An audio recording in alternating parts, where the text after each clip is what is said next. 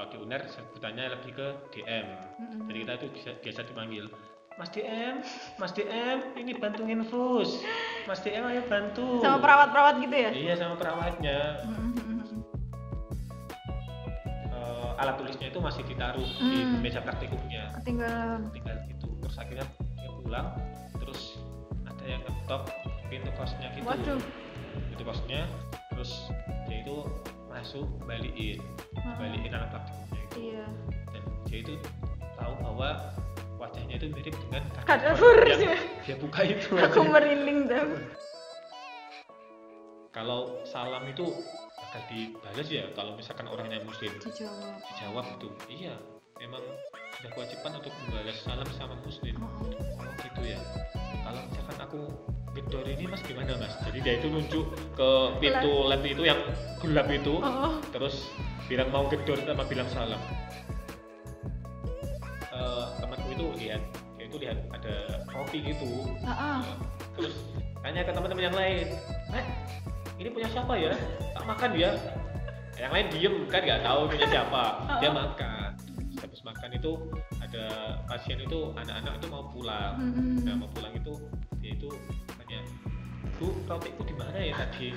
"Oh, bukannya tadi kamu yang bawa ya? Oh iya bu di KDN situ di Hmm. kamarnya mas ini dokter Mm-mm. ini kita kan panggil dokter biasanya. Mm-mm. terus dia itu masuk sini. Lah nyari. ternyata rotinya itu udah dimakan sama temanku itu. Jadi dia itu makan rotinya. Kasihan anak-anak lagi.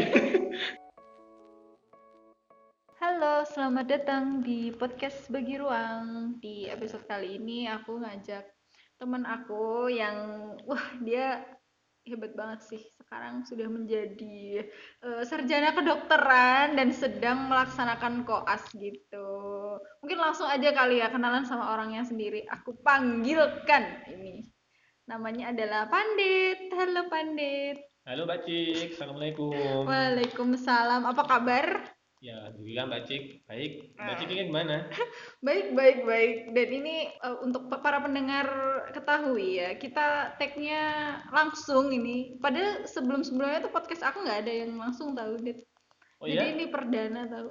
oh makasih loh terhormat aku Iya dipaksa hujan-hujan gini Gak apa-apa, sambil hujan-hujan kita ngobrol tipis-tipis soal dirimu yang menjalani pendidikan dokter sekarang gitu. boleh boleh Mm-mm. Mungkin langsung aku masuk ke pertanyaan yang pertama itu kalau boleh tahu nih kepo-kepo. Kenapa sih kamu dulu itu memutuskan buat buat ngambil pendidikan dokter itu?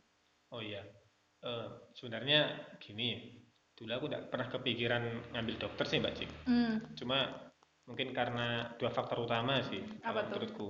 Ya, yang pertama itu background keluarga, Oh iya. dan yang kedua itu eh, riwayat prestasi waktu itu ya. Hmm, olim biologi waktu itu. Ya benar. Jadi dulu kan kita sempat sekelas juga kan ya Mbak Cik. Hmm. Jadi Selalu tiga tahun. Iya, tahu aib aibku lah. Ya, Iya iya iya iya. Tapi kita ngomongin yang bagus-bagus aja ya. Betul Nah, betul. Ha-ha. Ya, dulu kan eh, alhamdulillah eh, menang beberapa kali lomba biologi, Mm-mm. mulai dari OSN, lalu lomba-lomba yang diadakan universitas seperti Malang, Brawijaya, Mm-mm. eh, Gajah Mada, dan beberapa lain, sampai puncaknya waktu itu adalah match spin, itu Oh lomba iya. besar sekali yang Mm-mm. diadakan oleh FK UNER, Ha-ha. dan alhamdulillah berkat teman-teman juga dan atas izin Allah waktu itu juara satu. Iya. Ibaratnya itu dapat golden ticket ya waktu itu Iya ya. iya iya iya. Oh itu Terus- setim dulu. Apa? Atau pribadi sih match spin itu dulu? itu tim sama Prima sama Leli yang eh, masuk FK UNER juga. Ah, ah, ah. Berarti karena kamu menang itu makanya kamu bisa masuk ke UNER sekarang? Atau Eh, itu sebenarnya nggak nggak mempengaruhi juga? Itu mempengaruhi tapi bukan sesuatu yang pasti tapi sangat Ah, mempengaruhi istilahnya Oke itu. oke oke. Mm-mm. Nah, lanjut. Terus itu yang pertama. Jadi eh, itu satu kesempatan besar lah dalam satu Mm-mm, sisi. mm-mm. Terus dari keluarga sendiri eh, di sini bukan background bapak ibu yang Mm. dokter, bapak guru SMK, ibu guru SD, eh, sama mbak juga di kedokteran FK UNER. Jadi mbakku yang Hmm. kedua ini di kedokteran FK UNER. Terus bapakku ya nyarankan, kenapa aku nggak masuk kedokteran aja. Mm-mm. Waktu itu pertama ya pengennya ITB dan anak biologi. Kedokteran ITB. Oh bukan. Kirain. ITB Biologi. biologi. Mm-mm. soalnya rujukannya rata-rata kan ke situ kalau olimpiade biologi Hmm. tapi setelah dibilangin ya kenapa nggak nyoba kedokteran uner aja Iya iya. Terus tak renungkan tuh merenung dulu aku mbak Cik Heeh. malam-malam hujan-hujan Aduh. jadi galaunya bukan karena perempuan waktu itu Waduh. bingung Masa sih? ITB Soalnya udah tuh, punya ya. ah, Oh, ya, nggak usah oke. Oke. Ya, itu aku tuh bingung ITB atau FK UNER akhirnya tak Mm-mm. pikir-pikir tak renungkan dan dapat eh, berdiskusi juga dengan beberapa senior juga dan Mm-mm. akhirnya tak pilih yang pertama itu FK UNER baru pilihan lainnya ITB Itu SNM? SNMPTN Dan itu keterima ya SNM. Alhamdulillah masuk lewat Oke. SNMPTN Sebenarnya prosesnya dari lomba-lomba gitu-gitu. Soalnya sebelumnya kan kayaknya kamu itu apa ya? Jauh dari kata olimpiade tau, Dit. Oh Kalau iya? aku melihatnya. kamu kan masuk olimpiade itu baru SMA kelas berapa ya? Satu atau dua sih? kelas 1 Salah satu ya. SMP kelas 3 sebelum ujian lebih tepatnya Oh, oh berarti dari SMP itu olimpiade? nggak pernah ikut cuma waktu mau lulus ikut Iya. Walah.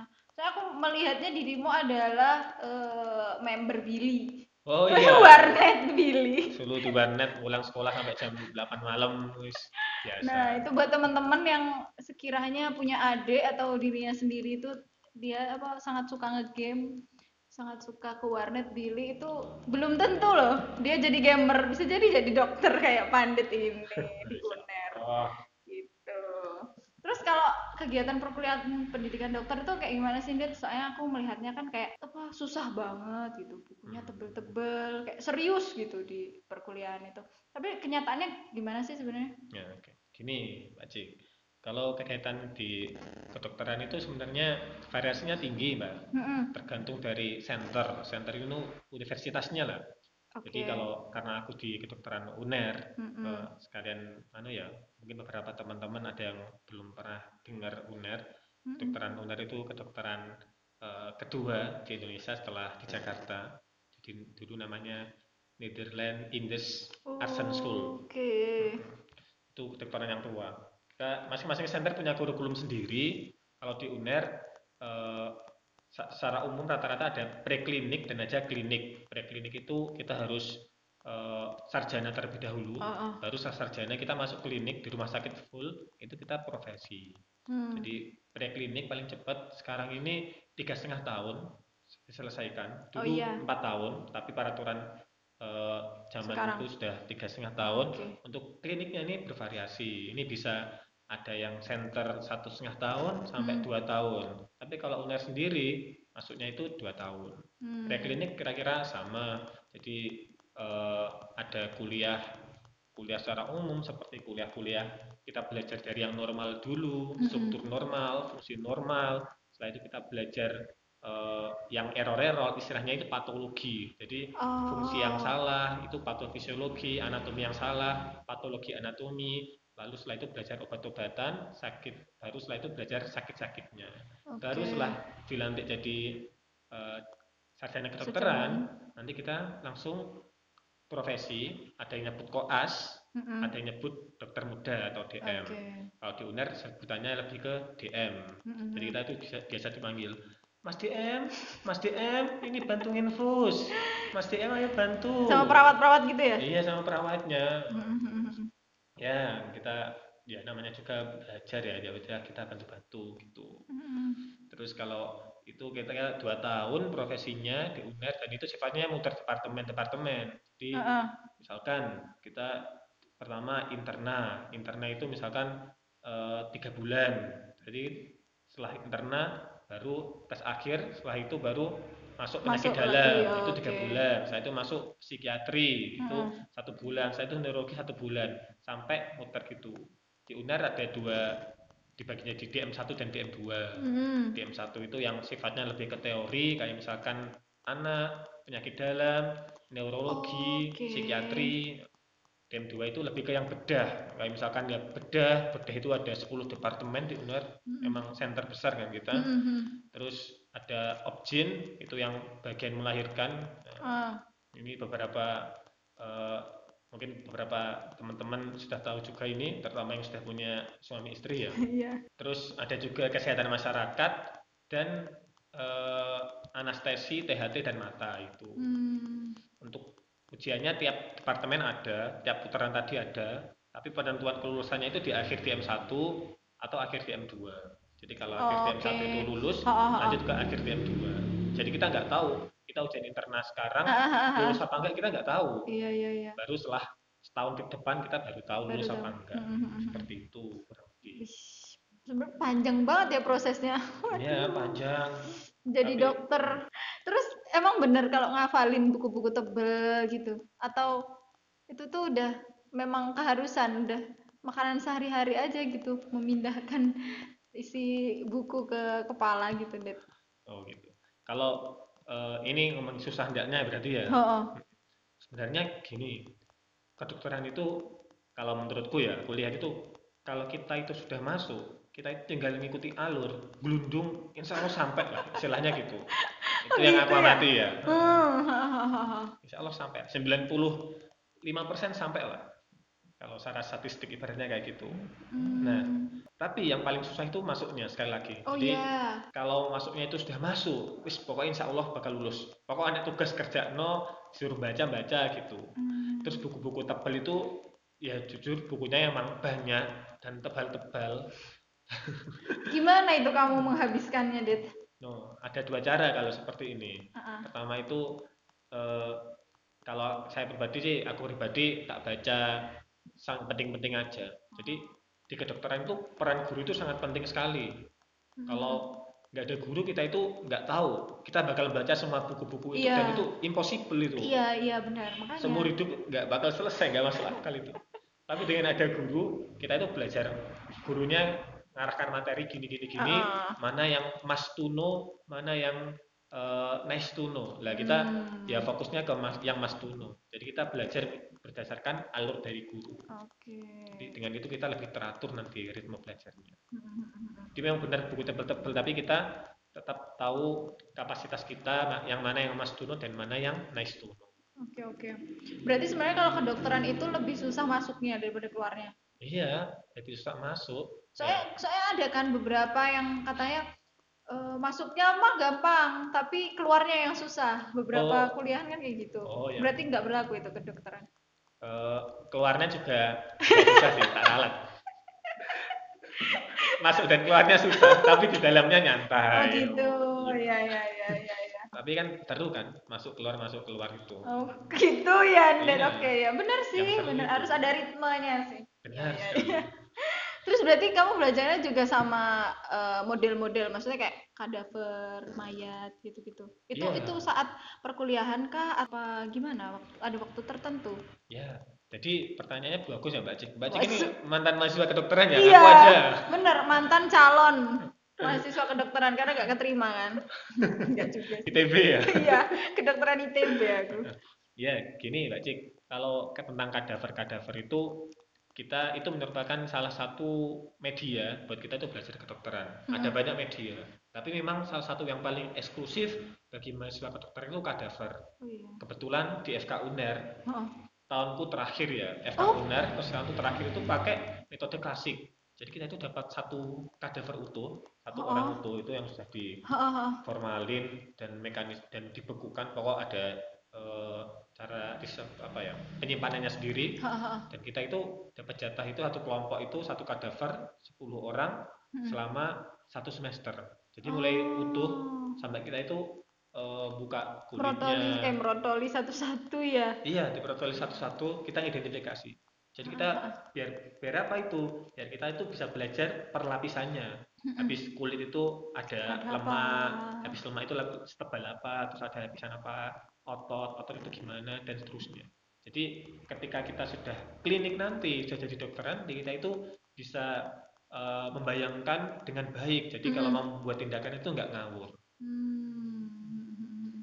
Berarti itu pas kamu itu terakhir, setelah kamu enggak atau gimana sih? setelahku ada tapi nggak dapat kadaver utuh kalau kita kadaver utuh langsung dibuat apa ya langsung kita kerjakan sendiri Sendiri. Nah, di Brengkeli sendiri ya Hmm, istilahnya. hmm. Kalau yang berarti eh, angkatan 2016 berarti ya? Yang Mulai bawahmu 2016 itu tuh cuman kayak potongan-potongan gitu. ya Bagi kaki potongan-potongan. aja, bagian tangan aja gitu. Heeh. Waduh. mereka mengidentifikasi strukturnya tapi kita buka dan identifikasi Oh, berarti sebenarnya lebih detail ya. Iya bisa bilang begitu Tapi ada itu nggak pengalaman dengan kadaver ini? oh ada ada Apa emang?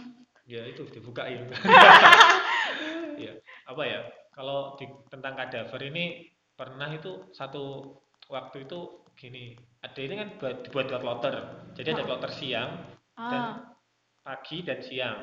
Nah kloter pagi itu waktu ngangkat waktu kita bagian pencernaan Heeh. itu mereka itu ngangkat usus. Heeh, jadi mereka itu identifikasi usus heeh. saya itu diangkat dan dilihat. Hmm. Nah, mereka itu nggak ada yang mau habis ngangkat itu dibiarin aja ususnya. Hmm. Jadi eh, maksudnya itu nggak- biasanya kan dicuci ya, Iya. ini dibiarin dan nggak tahu ya mungkin karena eh, kesusu kuliah karena padat kan memang jadwalnya Ha, ha. atau karena belum di briefing itu kurang tahu Iya. terus akhirnya mereka itu duluan. Nah kita kloter siang habis itu masuk dapat yang bagian atas lambung sama Ginjal apa? sama itu bagian rektum gitu jadi atas Oh. bagian itu terus kita buka terus akhirnya gara-gara kloter yang sebelumnya Ah, itu ususnya nggak nggak membersihkan dibersihin. itu akhirnya kita nggak boleh keluar satu kloter Hmm. karena eh, ya memang tanggung, tanggung jawab kan ya Mm-mm. karena kita harus membersihkan itu jadi itu eh, langsung yang laki-laki itu ambil inisiatif ayo rek kita bersihkan yuk Hmm. ayo Hmm. biasanya daripada narah baru marah gitu Iya. terus kita nggak boleh keluar akhirnya langsung dibersihkan kita ambil apa semua usus lambungnya terus kita bersihkan itu Waduh. sambil identifikasi juga Hmm. tapi dapat ilmu banyak juga cuma ya eh, sebelumnya kan belum pernah bersihkan usus kambing Ih. lain-lain gitu kan Oh Baru iya, iya. pengalaman pertama langsung Manusia Iya. gitu loh. tapi ya dapat ilmunya banyak itu alhamdulillah Tapi kamu gitu itu terbayang nggak misalkan dengan kadaver terus itu kan kayak eh, sama gitu manusianya gitu Iya, iya sempat kebayang. Jadi kita istilahnya itu kalau mau melihat istilahnya itu Tuhan itu memberikan ke- keajaiban itu Hmm. hanya di alam semesta, iya tapi kita itu disuruh melihat ke dalam diri kita. waduh ya ampun mulai nih pandit iya, jadi sesungguhnya itu begitu sempurna itu, iya bener Dit. dan itu Sistemnya. sempurna. Dan mantap awalnya memang ngeri sih, ini kok Iya, sama manusia gini kan, tapi yang untuk kebaikan juga kan, media media juga, dan lebih dari itu kita menganggap mereka itu bukan sebagai media sebenarnya itu. Oh Kita anggap- sebagai apa? sebagai guru kita. oh iya iya. Jadi kita itu adalah guru kita dan itu suatu keajaiban yang ada dalam diri kita dan kita belajar banyak dari itu. Cuma eh, cerita-cerita seremnya juga ada juga Mbak Cik. emang iya? ini. apa aja tuh Kalau dari eh, senior ya Mm-mm. itu ada cerita itu ketika seniornya itu dia itu praktikum, Iya. praktikum dia eh, pulang, cuma Hmm. dia lupa waktu itu me- apa namanya eh, alat tulisnya itu masih ditaruh di Hmm. meja praktikumnya, ketinggalan tinggal gitu. Terus akhirnya dia pulang, terus ada yang ngetok pintu kosnya gitu, waduh pintu kosnya, terus dia itu masuk kembaliin, Ah, kembaliin alat praktikumnya itu. Iya. Dan dia itu tahu bahwa wajahnya itu mirip dengan Kadaver. yang dia buka itu. Aku merinding dong jadi itu malam-malam terus balikan gitu. Terus terus si itu uh, Terus- mahasiswanya gimana itu Rex? pingsan dia. Sumpah langsung pingsan? Ceritanya sih pingsan. Ya ceritanya itu itu dulu tapi ya alhamdulillah aku nggak dapat kamu seperti itu. pribadi tidak mendapatkan pengalaman itu dan nggak mau juga ya Iya, kayaknya nggak mau aku. mungkin dapat cuma aku pelupa kan orang. Jadi nggak tahu wajahnya. Mungkin mungkin mungkin. Oh iya. Kamu kamu gitu tuh berarti nggak mengenali ya? Maksudnya oh ini wajahnya seperti ini gitu gitu nggak? Iya. Menghindari hal-hal seperti itu? Ya kita lihat juga. Tapi kan aku orangnya nggak terlalu gampang wajah ingat iya wajah iya orang iya kan. iya benar benar benar.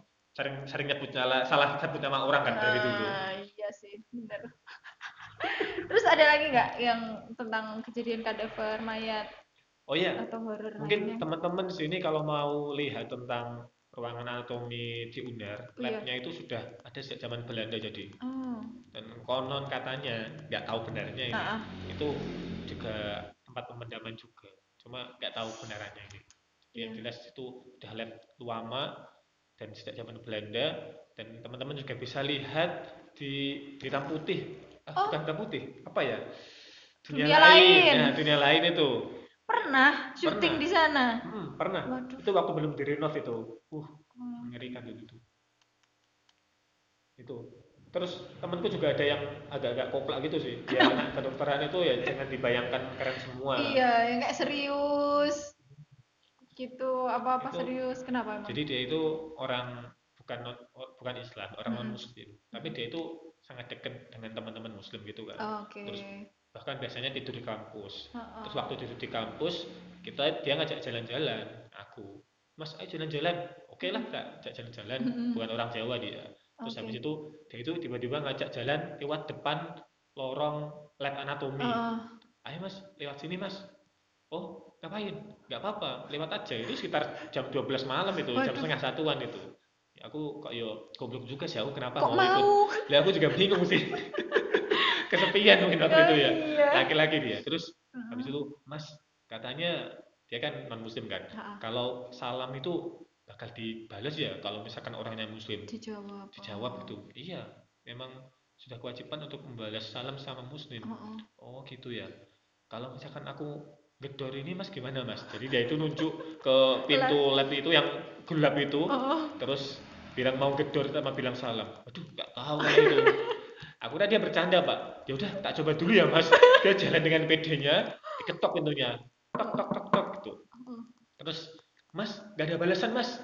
Assalamualaikum. Dia bilang gitu. Itu jam setengah satu malam. Maksudnya apa anak ini Ya coba? Terus ngapain kamu? Terus aku bilang, nggak mau mas, biar dibales.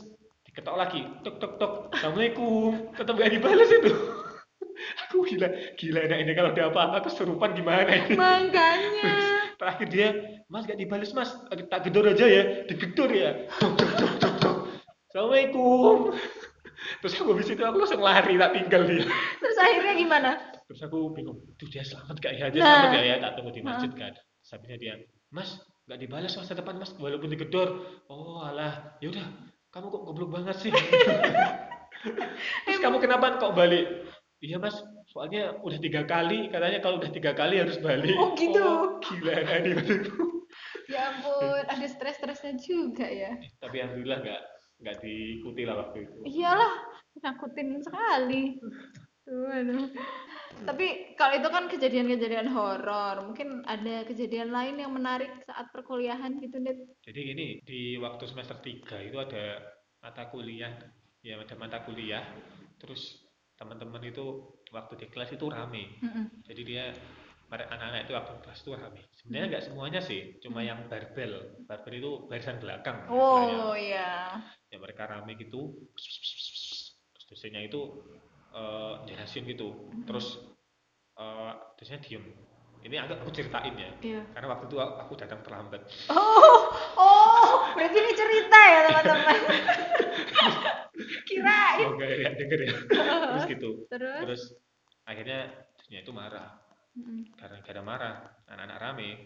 Dia itu diingetin, tapi tetap rame akhirnya ditinggal kelas gitu. Oh. Tinggal kelas. Tinggal kelas itu waktu dosennya kelas kelas itu ketemu aku mau masuk coba.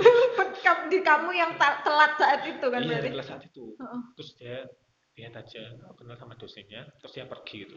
Saya tanya, ya kenapa ini? Kok dosennya marah-marah gitu? Ini loh, anak-anak ini Rame. ada yang rame ini loh. Walah, terus materinya apa? Kontrasepsi. Aku batin wah, terus materinya kok marah dosennya gitu. Terus ya udah, nggak apa-apa. Tapi alhamdulillah lah, bukan aku yang bikin masalah, aku kan terlambat gak rame. Ah. Terus itu baru dirasakan setelah eh, ujian. Setelah ujian soalnya itu susah. Susah. Masuk akal soalnya itu. Karena kayaknya mungkin dosennya udah apa menahan emosi saat saat kelas kan nggak nggak didengarin. Jadi dia gitu bikin soalnya susah. Iya, kayaknya ya. Atau kita yang kurang belajar ya. Tapi soalnya susah banget emang waktu itu. Ah, terus Jadi badannya dari 200 eh, 40 anak itu angkatanku Mhm. habis ujian itu yang dapat nilai yang lulus itu sekitar 20 orang. waduh.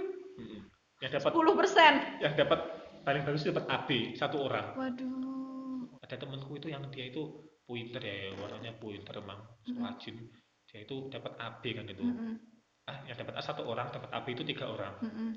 dia itu pointer emang aku pinter Mm-mm. terus dia juara terus gitu terus waktu anak-anak lihat pengumuman Mm-mm. dapat apa kamu? Dapat penghapus. Penghapus maksudnya kalau kita dapat nilai D atau E Ha-ha. itu penghapus. Jadi di blok hitam Oh, gitu. Alah. Nah, itu dapat penghapus gitu. Jadi anak-anak dapat pada dapat penghapus semua. Banyak yang dapat penghapus. Hmm. Nah, alhamdulillah lulus aku dapat D waktu itu. Oh. tapi yang lucu itu temanku itu. Jadi yang juara itu yang sering juara dapat AB itu dia itu tiba-tiba nangis pak Karena cuma dapat AP. Iya, bayangin coba. Anak-anak itu langsung patah semua hatinya desperate sama miso-miso. Mohon maaf nih, saya D dan E gitu kan. Yang lain dapat penghapus nunggu UP, perbaikan baru digosok penghapusnya, dia dapat apa. Ini dapat Ya ampun. Hampir nangis. aduh. Terus langsung stres kan. Aku Iya. sama gengku kan stres gara-gara soalnya susah banget itu. Oh, oh. Terus gara-gara stres itu anak-anak langsung gila. Jadi langsung mau ngopi. Ngopinya itu tidak main-main, Pak. Jam Kenapa? 11 malam itu ke Madura coba. Kopi di Madura.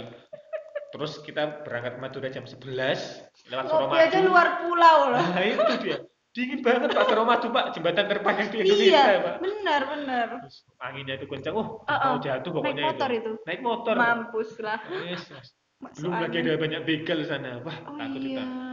Sampai sana itu warung kopi banyak yang tutup udah. Aduh, akhirnya kita bingung mau ngapain ini. Mau balik takut begal jam satu malam udah sepi akhirnya Oh.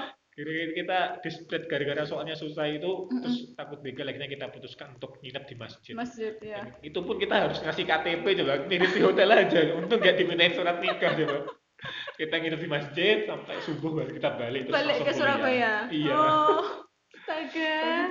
Ya ampun, stresnya anak kedokteran ternyata ngopi ke Madura ya. iya pak waduh Aduh, itu kacau anak-anak ini itu kejadian-kejadian menarik saat perkuliahan. Nah, ini kan karena kamu udah mulai masuk koas, udah berapa lama, Dit?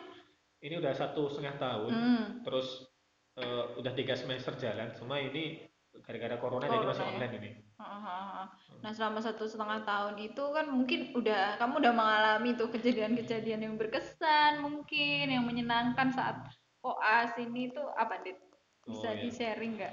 Oh, ada banyak banget sih kalau kejadian yang berkesan ini Nah, cuma takutnya nanti eh, menyinggung cuma Waduh. kasih tahu anu aja soalnya terlalu komplek-komplek ini kejadian ini udah masuk akal sebenarnya ini udah kasih eh, beberapa yang aman, yang aman, yang aman ya biar bagus yang aman itu eh gini karena di stase psikiatri jadi stase jiwa itu Mm-mm. temanku itu eh, ada yang hobinya itu dua jadi dia terkenal karena suka makan Mm-mm. tapi dia hoki terus Mm-mm. gara-gara suka makan itu jadi dia itu suka banget makan semua itu dimakan Cuma terus bahkan kalau ada kita kan DM dapat jatah makan kan ya iya.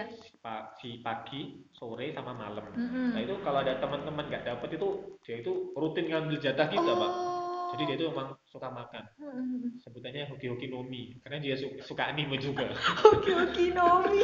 nomi nomi ya. Nom nom kan? Iya. Dari nom nom ah, terus. Nah, jadi waktu nah, kita itu kan punya KDM KDM itu kamar DM ah, markas kamar dokter muda. tas dan lain-lain gitu Mm-mm. Itu ketika teman-teman itu eh, jaga itu tempat naruh tas jajan itu di situ Oke. biasanya nah anak kan sering bawa jajan di psikiatri itu kita kan dekat dengan anu ya pasien sana Mm-mm. jadi pasien masuk kamar DM itu biasa lah istilahnya itu Oh. ya, ya Oh. gimana lagi masa dilarang jangan masuk sini Siapa tahu privasi gitu. malah masuk ya pasien psikiatri kan ya nggak bisa salahkan Oh juga iya sih bener sih. bener juga. Terus terus akhirnya eh, temanku itu lihat dia itu lihat ada roti gitu. Ah, ah. Nah, terus tanya ke teman-teman yang lain Rek ini punya siapa ya? Tak makan ya? Yang lain diem kan nggak tahu punya siapa. Dia makan. Terus habis makan itu ada pasien itu anak-anak itu mau pulang. Nah mau pulang itu dia itu tanya bu rotiku di mana ya tadi bukannya tadi kamu yang bawa ya? Oh ya bu di KDM situ. Di Hmm. kamarnya mas ini dokter Mm-mm. ini kita kan panggil dokter biasanya. Mm-mm. terus dia itu masuk sini. Lah nyari. ternyata rotinya itu udah dimakan sama temanku itu. Jadi dia itu makan rotinya kasihan. Anak-anak lagi. Terus dia itu bingung. Oh bu maaf bu maaf. Saya nggak tahu kalau ini rotinya adiknya. Oh iya dok nggak apa-apa dok nggak apa-apa. Ini dok tak kasih lagi. Jadi dia itu malah masih kasih roti lagi double malah dapat double anak-anak itu geleng-geleng semua. Ya ampun. Nah, kita ya itu ya. dikasih roti terus terus tak tanyain terus itu gimana terus kamu terima nggak rotinya? Ya awalnya sih aku sungkan Hmm. tapi dipaksa ya udah tak terima. Terus kamu makan? Ya tak makan. Nggak paham aku ya Allah. Aduh. Terus terus terus. Ada lagi nggak? Ada lagi nggak? Terus ada lagi itu ketika ya ini horor juga ya. Jadi Oh, iya, cerita horor. di rumah sakit itu Sutomo kan lama emang iya udahnya sih benar ya semua rumah sakit aku kira horor. Heeh. ini ada kamar DM kita itu salah satunya di tidak kita sebutin ya pokoknya salah satu kamar DM itu Iya. itu terkenal angker. Mm-mm. bahkan dosen-dosen kita itu yang ngajar kita itu cerita. cerita itu langsung dari mereka langsung dapat penampakan gitu. Waduh di terkenal itu kalau tidur di sana Mm-mm. terus sendirian Mm-mm. itu di atas Mm. terus kalau ngelilir gitu ngelilir itu Mm. bangun tengah malam itu di atas itu bakal lihat apa namanya perempuan putih Hmm. melayang aduh dan itu bukan satu orang itu ada banyak orang banyak saksi mata lah ya iya ada banyak yang merasakan itu nah pertama kita masuk situ takut pak Mm-mm. takut itu terus kita jalanin aja. Terus alhamdulillah setelah dua pekan itu selesai stasiunnya ah. yang paling nakutin itu sana itu ada jari-jari. Oh. itu nggak tahu jarinya itu dari mana. Terus tambah habis itu temanku itu yang keplak juga ya. Hmm.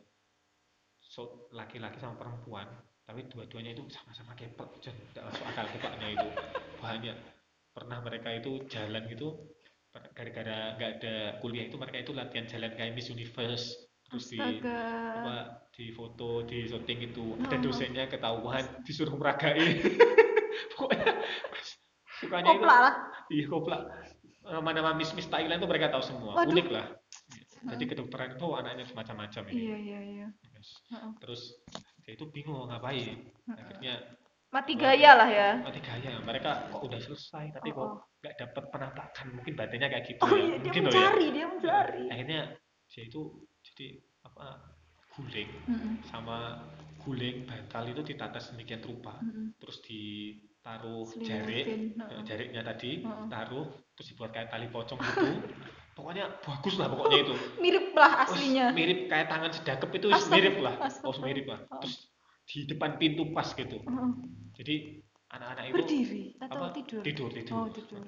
Belum ada anu, manuver berdiri gitu. Masih masih iya ada sih. kan. Iya terus dibuka eh, waktu jaga malam. Jadi si kita itu Aduh, ada shift malam. Malam-malam. si malam itu eh, mereka masuk malam gitu Mm-mm. terus dibuka itu. Cekrek nyalain lampunya. Pertama nggak kelihatan kan? Iya. Nyalain lampunya. Ceklik dia itu anak yang jaga malam perempuan kan itu. Itu kebetulan penakut dia itu langsung teriak dan nangis tuh. Astaga sumpah jahat banget. Terus waktu itu yang si dua usil itu tahu?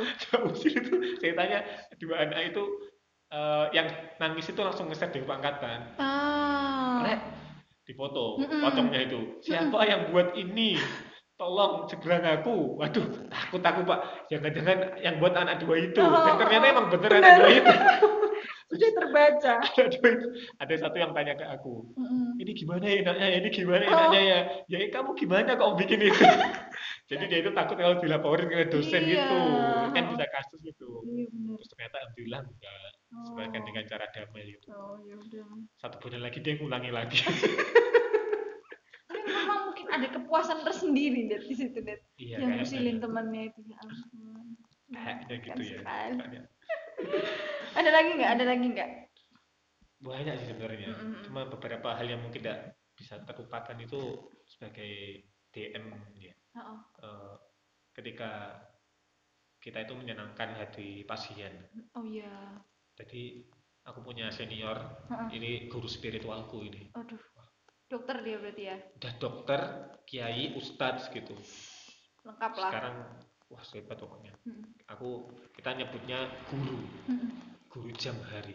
Mm-mm. tak sebut namanya tidak apa aku bangga ini Mm-mm. ini namanya guru jam hari.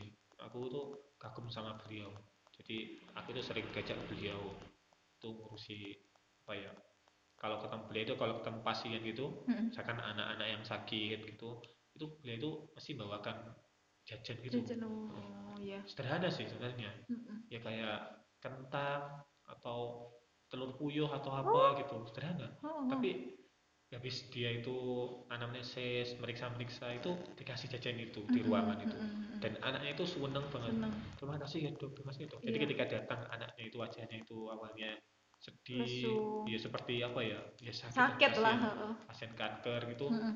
dikasih jajan itu emang nggak nggak bikin sembuh ya bukan obat Iya. yang bikin sembuh tapi itu membuat anaknya itu langsung bahagia seneng Ceria. kayak merasa dihargai banget gitu iya loh Mm-mm. jadi saat-saat seperti itu saat-saat yang tidak terlupakan jadi ketika Hmm. kita guyon sama pasiennya ngegame atau kita waktu kita nulis hasil pemeriksaan terus Oh. anaknya itu pinjam stetoskop oh termometer iya atau pulpen jadi Mm-mm. kita eh, terpaksa nunda dulu atau Mm-mm. pulpen kadang nggak apa-apa ya nggak apa-apa dek nggak apa-apa bu diambil aja nanti tak ke sini lagi Oh, iya. walaupun kadang ya nggak kita ambil itu saat-saat yang sangat menyenangkan sekali ketika kita menerima, menerima mereka apa adanya dan mereka itu menerima kita apa adanya iya sih itu sih yang apa ya pengalaman yang tidak bisa didapatkan orang-orang umum. Maksudnya hanya menjadi dokter deh kamu bisa mendapatkan itu pengalaman itu. Iya. Tapi katanya sih ya kalau kita itu eh dokter itu tuh nggak boleh punya apa ya pengalaman yang lebih dalam gitu dengan pasiennya. Misalnya kayak Hmm. Terlalu terlalu pakai hati gitu loh ketika Oh, iya. ketika anu karena nanti misalnya pasiennya meninggal itu kan kita kayak si dokter itu kan kayak merasa terpukul banget itu Hmm. tuh emang bener ya Dit? iya secara emosional gitu-gitu Mm. dan itu benar jadi kita dapat jadi kedokteran itu ada tiga cabang ilmu utama ya oh, kedokteran itu bukan sains murni kedokteran itu sains humaniora oh. dan arsen seni jadi ada Hmm. tiga Hmm. itu tiga cabang utama dari ilmu kedokteran Mm-mm. nggak bisa cuma sains aja kita kan sosial jadi kita juga sosial juga Iya, arsen seni juga karena setiap kasus berbeda berbeda benar. ada pelajaran namanya bioetik jadi etika kedokteran Heeh, di situ kita diajarkan asas-asas dasar kayak misalkan kita tidak boleh eh, merusak pasien atau memberikan Hmm. kerusakan pada pasien kita harus memberikan kenyamanan pada pasien Mm-mm. salah satunya itu kita itu dianjurkan diharuskan untuk melakukan eh, empati Heeh, tapi tidak boleh simpati simpati. atau kebalikannya aku lupa ya Oh, lupa soalnya gitu ya pokoknya salah satunya heeh. yang tidak melibatkan jadi Oh, kita iya, iya. boleh eh pokoknya kita aku lupa empati atau simpati pokoknya kita itu boleh harus eh, apa ya mengetahui kondisi secara objektif Mm-mm. tapi kita tidak boleh melibatkan hati Terlalu, kita heeh, benar. jadi emang Berarti itu masuk seperti itu. kurikulum lah ya, masuk diajarkan kurikulum. mm, itu ya Allah. Dan itu kewajiban kita harus tahu pasien menderita seperti apa Iya. tapi kita nggak boleh Terlalu terlibat Nah, karena itu heeh, karena itu mempengaruhi keputusan kita nanti. Iya, itu itu itu benar benar benar benar. tidak objektif lagi kita Mm-mm. Iya sih. Terus juga ada yang yang itu si Gina itu, yang Mm-mm. dokter jengkelin itu. oh ya Mm-mm. Itu tuh dia itu nggak berani kalau orang terdekatnya yang sakit itu tetap dibawa ke dokter aja, meskipun dia tuh tahu ya kayak oh Hmm. ini tuh ciri-cirinya ini apa obatnya nanti pasti ini. Gitu tuh dia nggak berani ngasih deh katanya. Hmm. karena dia punya keterlibatan dekat gitu loh. Kan itu keluarganya gitu. Nanti kalau dia salah ngasih itu. Padahal ketika udah di, ke dokter itu sama.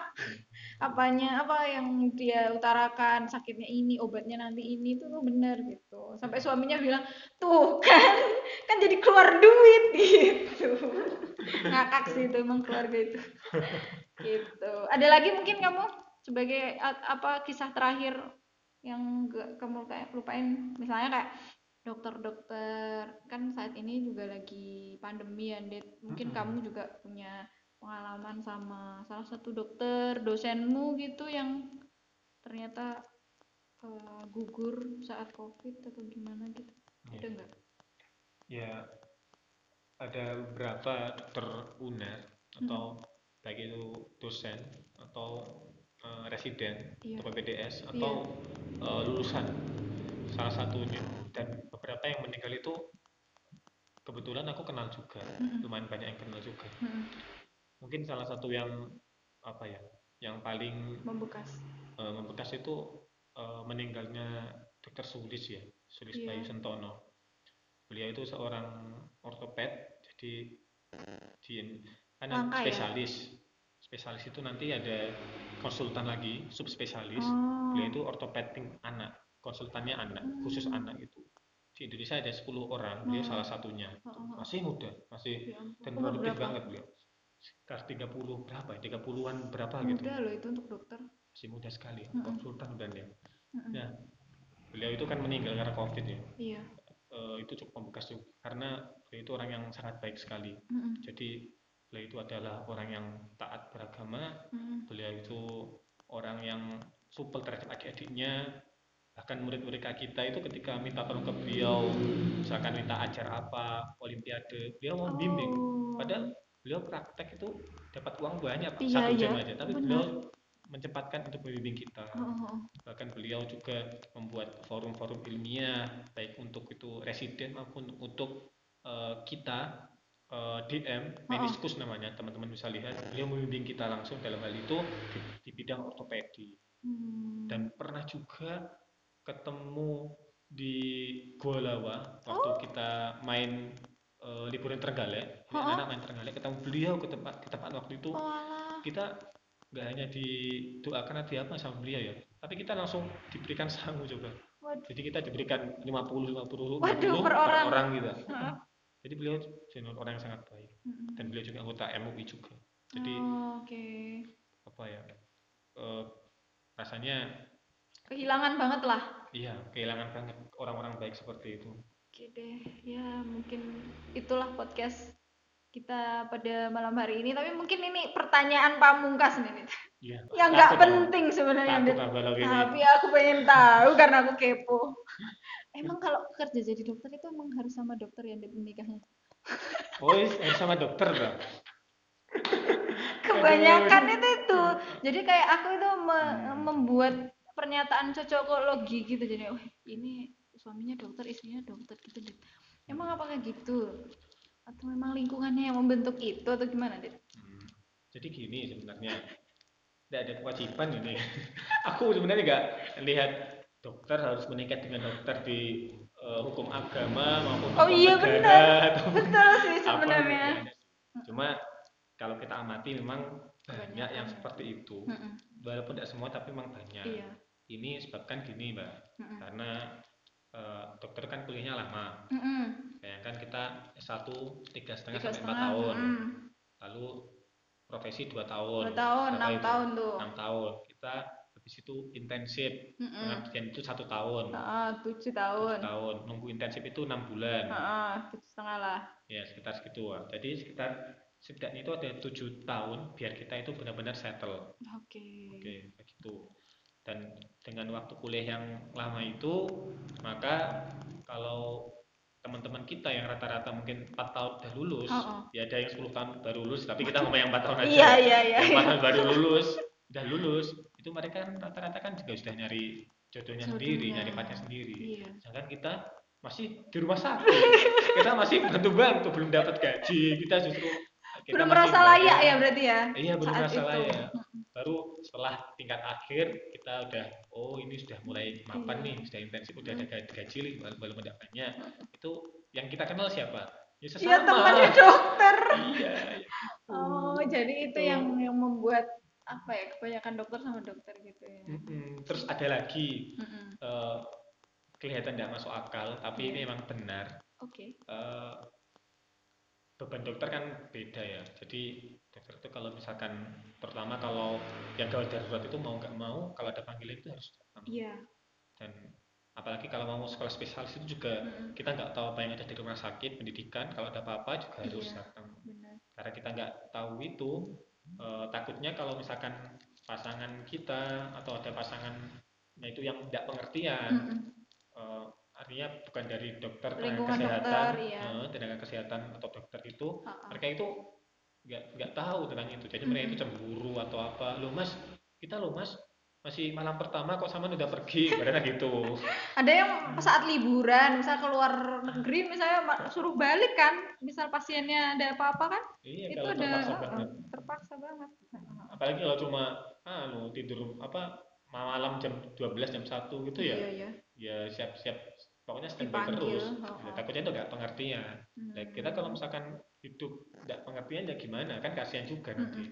Jadi kalau sama dokter atau tenaga kesehatan itu kan mereka ngerti. tahu kan kondisinya gimana. Jadi itu yang wajar. Jadi gitu ada dua alasan utama sih kalau menurutku mbak Cik. Tapi berarti kan tidak menuntut kemungkinan selain dokter dapat dok eh, selain dokter dapat dokter kan Dit? oh enggak. Enggak menutup kemungkinan Ya. seperti itu. Gitu. kenapa mbak Cik lagi anu tuh Loh enggak ini. Nyari lah ini. Aku ada kenalan mbak Cik. Oh gitu. Mm-mm. hmm, bisa lah nanti ya kita di belakang podcast bisa diatur diatur Oke deh, mungkin itu aja deh. Terima kasih banyak sudah menyempatkan waktu mengisi podcast. Semoga ilmu-ilmu yang telah kamu bagikan ini bermanfaat buat para pendengar yang kepo-kepo soal pendidikan dokter. Terima kasih sudah mendengarkan. ya makasih mbak Cik